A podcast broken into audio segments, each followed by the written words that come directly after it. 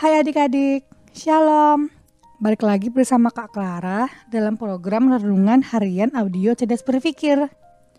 Melalui renungan harian ini, Kak Clara berharap pikiran kita makin diisi oleh kebenaran firman Tuhan. Hari ini Kak Clara mau ngebawain hal yang sederhana sih. Ya anggap aja Kak Clara cuma mau sharing-sharing aja. Judul yang Kak Clara mau bawain hari ini yaitu Si Kecil yang Berdampak Besar si kecil yang kakak maksud adalah lidah. Dan kebanyakan ya kalau ngomongin soal lidah itu berarti ngomongin soal perkataan kan? Dan di zaman sekarang perkataan bukan hanya apa yang keluar dari ucapan bibir, tapi juga melalui sentuhan. Jadi pas kita nulis status, kirim komentar, chatting, dan lainnya. Adik-adik, akan seperti apa kita yang jadi salah satu penentunya adalah lidah atau perkataan. Amsal 18 ayat 21 bilang gini, Hidup dan mati dikuasai lidah, siapa suka menggemakannya akan memakan buahnya. Hmm, kalau misalnya kita terbiasa ngomongin soal kejelekan orang, maka orang lain bisa mikir kayak gini tentang kita.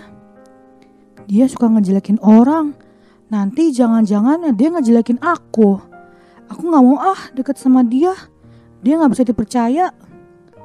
Makanya kita harus hati-hati menggunakan lidah untuk berkata-kata. Salah-salah kita yang kena akibatnya kan? Oh iya, ada yang mau Kak Clara bilang nih.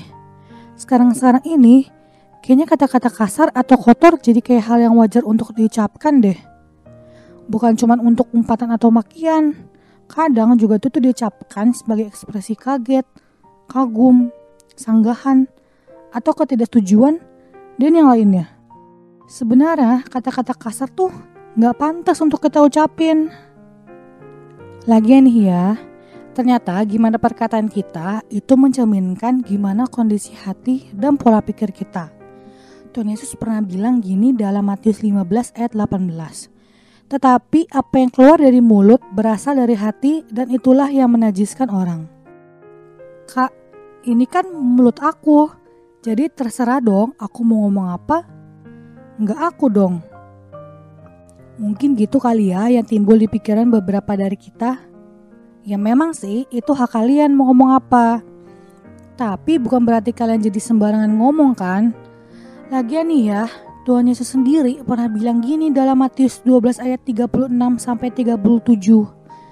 Tetapi aku berkata kepadamu, setiap kata sia-sia yang diucapkan orang harus dipertanggungjawabkannya pada hari penghakiman. Karena menurut ucapanmu engkau akan dibenarkan dan menurut ucapanmu pula engkau akan dihukum. Jadi kalau kalian suka ngomong kata-kata kasar atau kotor, jangan-jangan kondisi hati kalian lagi nggak beres. Adik-adik, sebelum semuanya terlambat, Kak Clara mau ngajak kita semua sama-sama berusaha jaga perkataan baik itu ucapan yang keluar melalui bibir maupun kata-kata yang kita ketik di medsos. Ya emang gak mudah sih, apalagi untuk orang yang udah terbiasa ngomong kata-kata kasar. Tapi bukan berarti itu mustahil kan? Kalaupun menurut kita itu mustahil, kan bagi Allah gak ada yang mustahil. Kita butuh pertolongan Tuhan melalui roh kudusnya. Kita pasti bisa kok berubah. Sebelum kita berdoa, Kak Clara mau ngajak adik-adik nih. Soalnya inilah saat yang tepat. Bagi yang mau ngambil keputusan untuk berubah, bisa taruh tangan kanannya di dada. Tapi kalau situasi nggak memungkinkan, bisa bilang dalam hati, ya saya orangnya.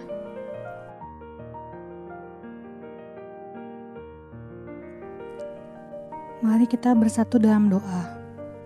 Tuhan Yesus, terima kasih atas pagi yang indah ini. Kami boleh belajar untuk selalu bersyukur di dalam hidup kami. Ajar kami Tuhan untuk selalu mau berubah mengatakan kata-kata yang baik. Ampuni kami jika kami pernah mengeluarkan kata-kata yang tidak berkenan di hadiratmu. Kami yakin dan percaya Engkau akan selalu menyertai kami di mana pun kami berada. Terima kasih Tuhan. Kami telah berdoa dan mengucap syukur. Haleluya. Amin. Oke. Sekian dari Kak Clara ya. Tetap sehat tetap semangat, dan tetap jadi berkat. Jangan lupa bahagia ya. Tuhan Yesus memberkati. Dadah.